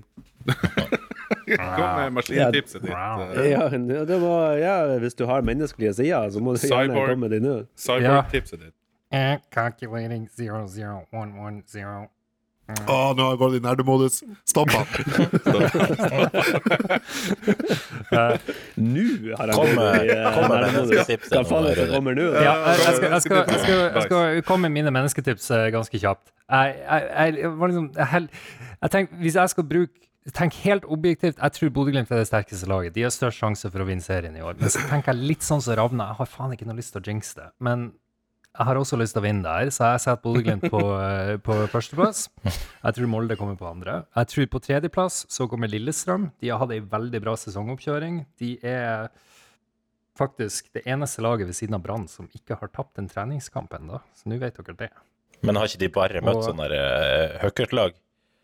Nei, altså, de har møtt mest, mest eliteserielag, skal vi se. De har uh, slått Sandefjord altså, De spilte uavgjort mot Stabæk, de slo HamKam. De spilte uavgjort mot Flora fra Estland, tror jeg. Oi, Uavgjort det er jo som å spille uavgjort mot HamKam, faktisk. Slo Haugesund, slo Sogndal og slo Tromsø og slo Odd. Men det er jo bedre enn de fleste andre lagene har fått til. Så jeg tror de kommer til å gjøre det bra. Og de er jo, som jeg har forstått, ganske greit forsterka i forhold til i fjor. Så jeg tror de, de har et bra prosjekt, de bygger noe bra. Jeg tror Lillestrøm kommer til å bli god. De kommer til å bli bedre enn Rosenborg, som havna på fjerdeplass. Um, og det her tullet med Brann Altså, greit nok, de ser sterke ut, men Og det kan godt hende at uh, de kan eh, være en liten outsider til å, å hevde seg helt, helt i toppen, men å, å tippe dem på førsteplass, Dewey Altså, der uh, har du mista kredibilitet som, som som fotballekspert. Ja, altså, jeg tar av meg hatten hvis du har rett på det, altså, men, men uh, Det gjør ikke jeg. Altså, jeg har, Jeg håper jo at jeg tar feil. Jeg hadde lyst til å se litt nærmere på det her. Nå skal jeg ta de bunn fire-tipsene mine først. Jeg tippa Ålesund, Stabæk, Sandefjord og HamKam. HamKam helt slutt. Helt til sist. Ja. Um, men fordi at jeg mener jo det at helt greit Brann har hatt ei fantastisk sesongoppkjøring. Uh, ganske imponerende. Uh, og de er helt klart inne i en flyt. Men det der at de blir av seriøse medier nevnt som en outsider til seriegullet altså Greit nok, alle lagene i Eliteserien kan vinne serien, men altså, det, er kun fordi at det er Brann. Altså, Vegard Moberg spiller jo ikke der lenger. Hvordan skal de ta seriegull? Og, Nei, eh, Det er veldig godt poeng. Veldig Og- og i Veldig godt. og i tillegg så, så måtte jeg jo nerde litt om det her, da, bare for å ha liksom noe liksom konkret å komme med her. da. For jeg har sett Ja, på, du måtte nerde litt, ja. jeg måtte nerde litt. Fra, fra, fra 1991 til 2022 så er det 79 lag som har rykka opp til Eliteserien. Uh, altså ikke forskjellige lag, men 79 opprykk. Dere skjønner hva jeg mener. Fire Ja, av dem ja, ja, har endt topp tre. Fire. Det er under sånn helt, Hvis du bare ser på mengde og frekvens, så er det ca. 5% sannsynlig at et nyopprykka lag skal hevde seg i topp tre. Hvem er de fire lagene? Ja, det er en god quiz. Er... Jeg vet det. Jeg sitter og ser på det nå. Vet dere det? Nei, eh, det var derfor jeg spurte. Moss, kanskje? Ja, Moss det var vel kanskje 91-sesongen, og det var vel siste sesongen som ikke er med i min analyse. Og de var vel kanskje sånn. nyopprykka og vant serien, til og med. Ja, det var i 89, tror jeg, eller noe sånt. Jeg, jeg Nei, husker ikke. Men ja. Nei, Det er ikke Moss det eneste laget som har hatt en sånn run med Men jo, å opp eh, to ligaer og vinne. Jeg tror Kongsvinger er et av de lagene. Nei. Ja, Glimt er i hvert fall Bodø-Glimt er et av de lagene i 93. Det Er ikke Brann et av de lagene? Jo. Brann er det siste laget som klarte det. Det var i 2016. Da, eh, og der tror jeg Det er litt av problemet som Brann kommer til å se. Jeg tror de kommer til å starte veldig bra. De kommer til å ha en bra flyt. ikke sant? Men så når de møter motgang Og de leda jo serien lenge i 2016, gjorde de ikke det? For liksom, når du har den flyten, så er det ganske behagelig å komme unnafra og slå oppover. ikke sant? Men når, men når det begynner å bli vanskelig, da, så tror jeg kanskje det er litt lettere å knekke sammen enn et mer sånn etablert storlag som er vant til å kjempe jevnt opp i toppen. Åh, det er deilig å høre at du er så uvitenskapelig. Det, nå er det Ja. følelser som snakker. Det er deilig, Altså. Ja. Og så er det jo Brann. Brann's gonna brann, right? Uh, Ja. eh, Ja. ja. Altså, det Ja. Så, så det, det får jo være trøsta, da. Hvis jeg skulle ta helt feil og Brann gjør det skikkelig godt, så er det jo akkurat sånn som Ruben sier, de kommer til å røkke rett ned igjen etterpå. Det, Alle kommer til å synes det er kjempegøy. Altså For å si sånn, etter den der nummer to-sesongen til Glimt 2019, så var det jo allikevel ingen som tippa Glimt på noe pallplassering i sesongen etterpå. Nei. ja, Særlig ikke oss. Nei, nei, det er det, da. Kanskje hvis det går, hvis det går rett til helvete med Glimt denne sesongen, og så går Kjetil Knutsen og får sparken, og så går han til Brann, da vinner eh, Brann eh, gull neste sesong. Ja. Så er fascinert av at du sa at du skulle gjøre det her kjapt. hey, apropos, du nevnte jo Moberg i stad. Han skåra forresten mot Rosenborg i dag. For Kongsvinger. I går. I går, for Kongsvinger. Men de tapte allikevel 2-1 mot Rosenborg-Kongsvinger, da. Så. Deilig. Men deilig med Moberg-skåring mot uh, trønderne. da. Ja. Og da var vi på tredjeplass. Var ikke det? Jeg, tror jeg var ferdig med mitt tips, og så bare begynte jeg en litt sånn brann... Ruben har sovna av Jeg, litt jeg, jeg, jeg bare skynder meg veldig kjapt og gjør meg ferdig med tipsene, for jeg hadde så lyst til å rante om brannen. Ok. Ja. Ja. Nei, da Sorry. Eh, jeg er tatt ut. Ja. Nei, men eh, da tror jeg faktisk at eh, vi har tabelltipsene våre klar, og det kan vel hende at vår tekniker Bjørn Menseverk kommer til å slenge inn en liten uh, lite tabelltips også, som uh, blir med i konkurransen. Og så har vi det her gående jevnt og trutt i løpet av sesongen, og så vil vi jo ha en uh, stor taper til slutt, da. Enda større taper enn det vi allerede har. Så det blir spennende følge. Hjertelig takk, eh, Røder, for en eh, inngående og eh, dyppløyende akademisk analyse, som jo egentlig er perler for svin eh, Si det, i det her det. studioet. Det var gøy allikevel. Jeg sitter ofte og snakker til veggen takk. hjemme. Tusen takk.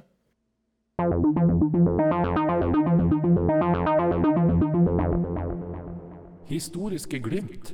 Ok, så eh, i eh, Bjørn Mensverk sitt fravær her i studio i dag, så har vi jo uh, Vi må jo utnytte at vi har en ekte sveitser med oss. Så derfor skal vi overlate historiske glimt over i dine kraftfulle og muskuløse armer, Røder. Kjør! Takk for det.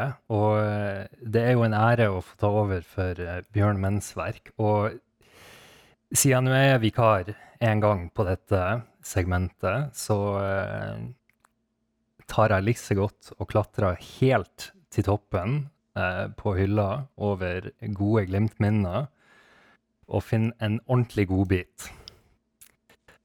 Og vi skal til høsten 2001.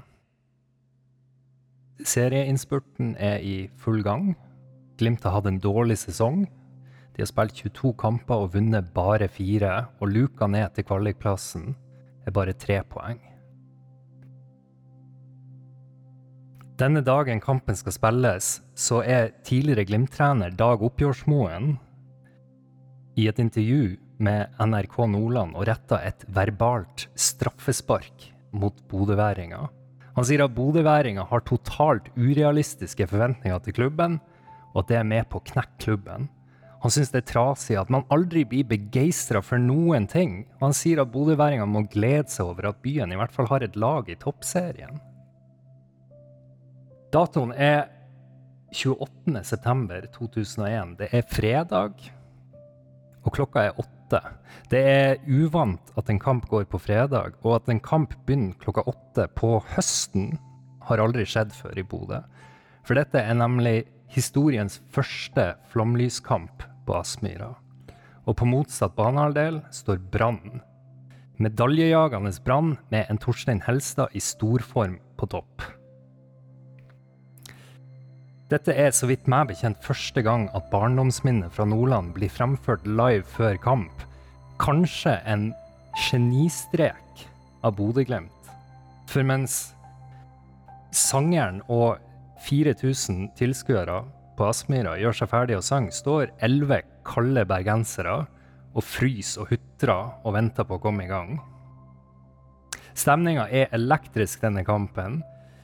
Ifølge Nordlandsposten har det sjelden blitt sunget og klappa så mye på Aspmyra, for i denne kampen her var Glimt virkelig, virkelig god. Vi vant 5-1, og vi burde ha vunnet med mange flere mål. Da har dere ett minutt på å finne lagoppstillinga av denne kampen. Kan jeg bare si først at jeg har ereksjon nå av den der. Ja, det var- Ja, det her var helt det. nydelig. Tusen ja, takk. Ok, skal vi sette i gang klokka? Du sier nå. Uh, Nå. Eh, Fredrik Stig Kjølner. Fredrik Kjølner. Kjørner er riktig. Jonas Kolstad. Stig. Eh, Stig er riktig. Jonas Kolstad? Nei. Å nei. Håvard Halvorsen. Eh, Håvard Pavel Halvorsen Londak. riktig. da. Fuck. var, det, Nei. var det Nei, Horn som sto i mål? Ja, Horn er Tor riktig. Egil Horn. Da tror jeg det er Runar Berg. Nei. Da Ludde. tror jeg det Å, er å, vent! Ah, han eh, Lu- han Ludde eh, er finske. Peltola! Mikke Peltola, riktig. Oi. Der, der, eh, der er jeg ute. Nå kan jeg ikke André mer. Hansen. André Hansen er riktig. Ville lete i den. Yes. Nei. Um, det tror jeg det er Christian Steen. Riktig. Sten er riktig. Oi, Christian Okay, ok. Steen. Eh, Christian Berg. Riktig. Helge Aune. Shit, nå er vi nå. Sitter vi og Ah, OK, tida er ferdig. Det, det var bra, da. Hvor mange klarte vi? Hvor mange klarte vi? Uh, skal vi se. Dere klarte Horn, Kjølner, Stig Johansen, Halvorsen, Ludde, Peltola, Hansen, Steen og Christian Berg. Det er Herregud. Wow. Å, dæven! Ni. ni. Yes. Oh, ah! Ny rekord, gutta! Dæven, steike! Det her begynner å bli latterlig. Ja, ja. Og så må vi bare si at det er ingen av oss som har vært oss og øva eller noe som helst. Vi har Nei. bare hatt en stigende formkurve her. Det, det er her vi, også, vi er vel litt heldige sånn med alderssegmentet her, at det her er Ja. også en periode av Glimt Ja. der jeg tror mange av oss var Ja. eh, Det, jeg vet at uh, Altså, jeg var på denne kampen, og jeg vet at uh, i hvert fall Ravna var sammen med meg på den kampen der. Så eh, det var, Var gode det, ikke, tider. var, var det i den tida der vi starta med Perra-klanen? Var ikke det var det kanskje først et par år ikke... senere, to, 2003? Ja, vi, vi, vi hadde jo Perra-klanen i 2003, men start, det, var, ja, det var kanskje ikke starta i 2001, nei. Det var litt tidlig. Da var vi 16 og eh, Ja. 16 ish år. Du mener vi var, vi var Den seks? her eh, Dag Oppgjørsmoen, han var jo en, eh, en karakter. Solstråla. Opprykksmoen. Skal, Fikk han sparken? han fikk eh, sparken. Han gikk til Raufoss. Eh, han var Raufoss-trener da han gjorde dette intervjuet, og gjorde det visstnok ganske bra i Raufoss, uten at jeg kjenner detaljene til det. Altså, klaga han på Bodø-Glimt etter at han for til Raufoss? Han gjorde det. Gikk seg greit. De var sikkert Ja, er begeistra ja, for, for eh, holdt på å si middels plassering på Raufoss. Jeg syns, jeg syns alltid det er artig når noen sier Raufoss. De gjør det? Så, så, så enkelt er jeg. Så enkelt er jeg. Det foss i Raua ja. Det er morsommere på Men, eh, stavangersk, da? ikke det? Jo. Skal, skal, jeg, skal jeg gå over Jeg kan gå over eh, lagoppstillinga de dere glemte. Altså, dette var egentlig et veldig godt Glimt-lag, må jeg si. Det er, det, det er mye gull her. Tor Egil Horn var jo verdens beste keeper på denne tida. Kanskje enda ikke helt nådd toppen. Uh, Venstreback Mike Beltola. Beltola! Beltola. Og i midten Christian Steen og Fredrik Kjølner. Det var jo to solide stoppere der. Eh, og på høyreback Håvard Halvorsen, som for øvrig skåra i denne kampen. På midten, en som dere ikke fikk med, det var Cato Hansen spilte anker. En uvant ankerrolle fordi What? at Og det var andre, to dere ikke nevnte, som var sentrale brikker for Glimt denne sesongen. Tom Kåre Størvik og Bengt Sæternes. De var begge utilgjengelige for denne kampen. Uh. Og Uh, Spilte han, spilte han Størvik helt fram til 2001? Ja. Og Nei, du helvete! Nå fremgår det ikke av mine kilder hvorfor de måtte stå over den kampen, om de var skada eller ute med karantene. Men Nordlandsposten eh, spekulerer etter kampen i om Glimt nå har et luksusproblem. Fordi at med de to bærebjelkene ute av laget, og så storspiller de sånn, hvordan, eh, hvordan de skulle sette laget eh, i tida etterpå. Men de fant tydeligvis ut av det, for Glimt gjorde det ganske bra resten av denne sesongen. og sikra vi, jeg vet ikke om du nevnte det, men hvilken plass endte vi på i den eh, sesongen? Eh, jeg tror Skal vi se, vi lå på 11.-plass, én plass over opprykk uh, før denne kampen skulle spille, og så vant vi noen flere kamper. Jeg tror vi endte på niende. Ja, Det var jo da det var 14 lag i serien. Uh, stemmer. Men ja, det var Cato Hansen som anker. Cato Hansen som anker og Christian Berg og André Hansen som indreløpere. Og det er jo altså de indreløperne der, det er det kvalitet på. På venstre ving er det en spiller som dere ikke fikk med dere. Han Ralf Erik Dybendal, som han heter Dybendal, Betalte Ja. ikke vi for, bare betalte ikke vi sånn 3,5 millioner for han? Kom han fra Kongsvinger? Vi, altså, det, ja, jeg tror vi, vi sprengte banken når vi kjøpte han. Han skåra for øvrig sitt første mål for Glimt i denne kampen. I midten, da, som dere nevnte, Stig Johansen. Uh, han fikk endelig spill i sin favorittrolle. Og til slutt, da, Trond Fredrik Ludvigsen storspilte på høyrekanten til Bodø-Glimt denne kampen. Og i avisa Nordland, nei, sorry, i Nordlandsposten så fikk han bare sju på børsen. Han fikk trekk fordi han hadde brent tre sjanser alene med keeper. Jeg husker denne kampen der, hvor sinnssykt god Trond Fredrik Ludvigsen var. Han sto bak alt som Glimt eh, skapte. Han ble kåra til eh, kampens beste spiller av eh, Aspmyra-publikummet. Og det her, Jeg prøvde å ettergå dette, her, men jeg har et minne om at jeg leste VG-børsen etter denne kampen. Og jeg har ikke funnet VG sitt arkiv, så jeg hadde ikke kunnet sjekke det. Men jeg mener at der sto det at han Trond Fredrik Ludvigsen var ei scoring unna en historisk tier på VG-børsen. Så god var han. Yes. Og dæven. Og så Kult. en annen legende som dere ikke nevnte, som kom innpå til sin andre kamp for Bodø-Glimt. Trond Olsen han skåra sitt aller første mål for Bodø-Glimt. Og jubla hemningsløst når han satte inn 5-0-skåringa. Fantastisk. I tillegg kom Vegard Sandnes og en kar som heter Eivind Eriksen, også innpå som innbyttere. Yes. Ja, det er siste. kamp du har funnet fram, eh, Røder. Det her var jo helt nydelig. Ja, og jeg er ikke helt ferdig heller. For uh, på førstesideoppslaget til Nordlandsposten uh, denne lørdagen etter kampen, så står det at de fem millionene som Bodø-Glimt hadde investert i flomlysanlegget på Aspmyra, kunne være helt bortkasta. Fordi at under trening dagen før kampen, så hadde tre fly meldt om problemer pga. flomlyset.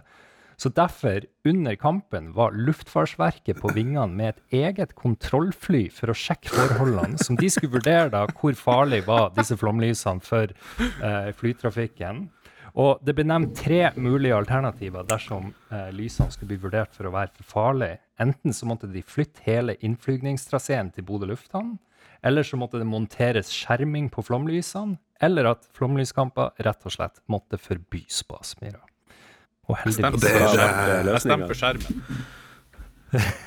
Ja, Jeg jeg det for ble å noen av flytte delene. Ja, det kunne gjort det mye tidligere. De, de, de, bestemte, de, bestemte, de bestemte seg for å flytte flyplassen. På eh, Bodø-Glimt går over flysikkerheten.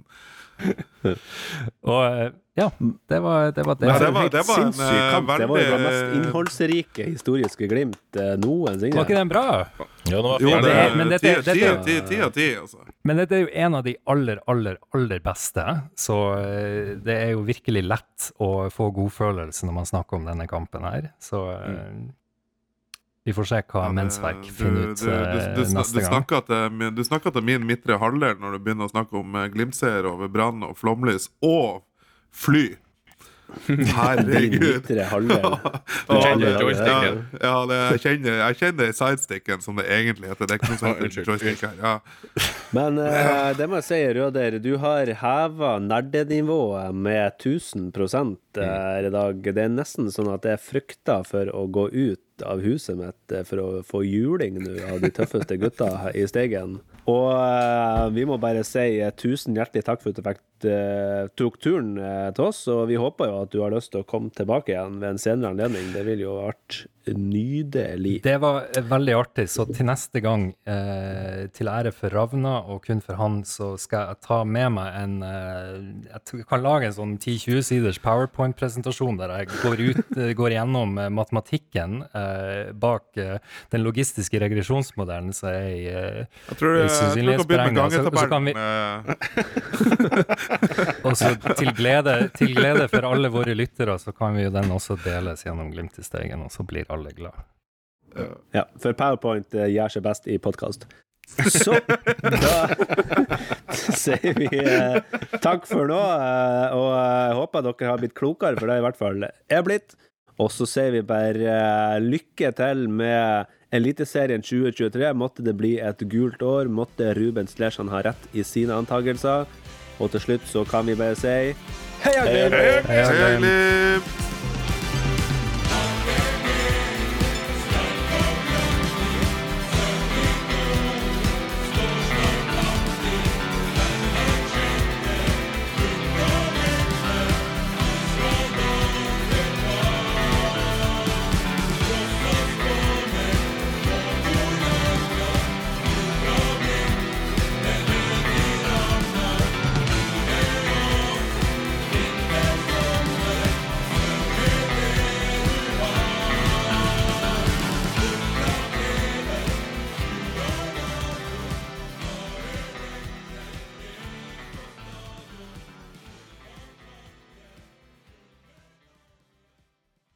Derfor det gikk bare noen få måneder før vi Ja, unnskyld, Siri. Du må holde kjeft. Det var da dattera til han Sasha på, på to år. Og Siri, hvor er Hold kjeft, Siri. Pappa spiller i podkast. Pappa spiller inn podkast. Ja, vi går direkte, altså.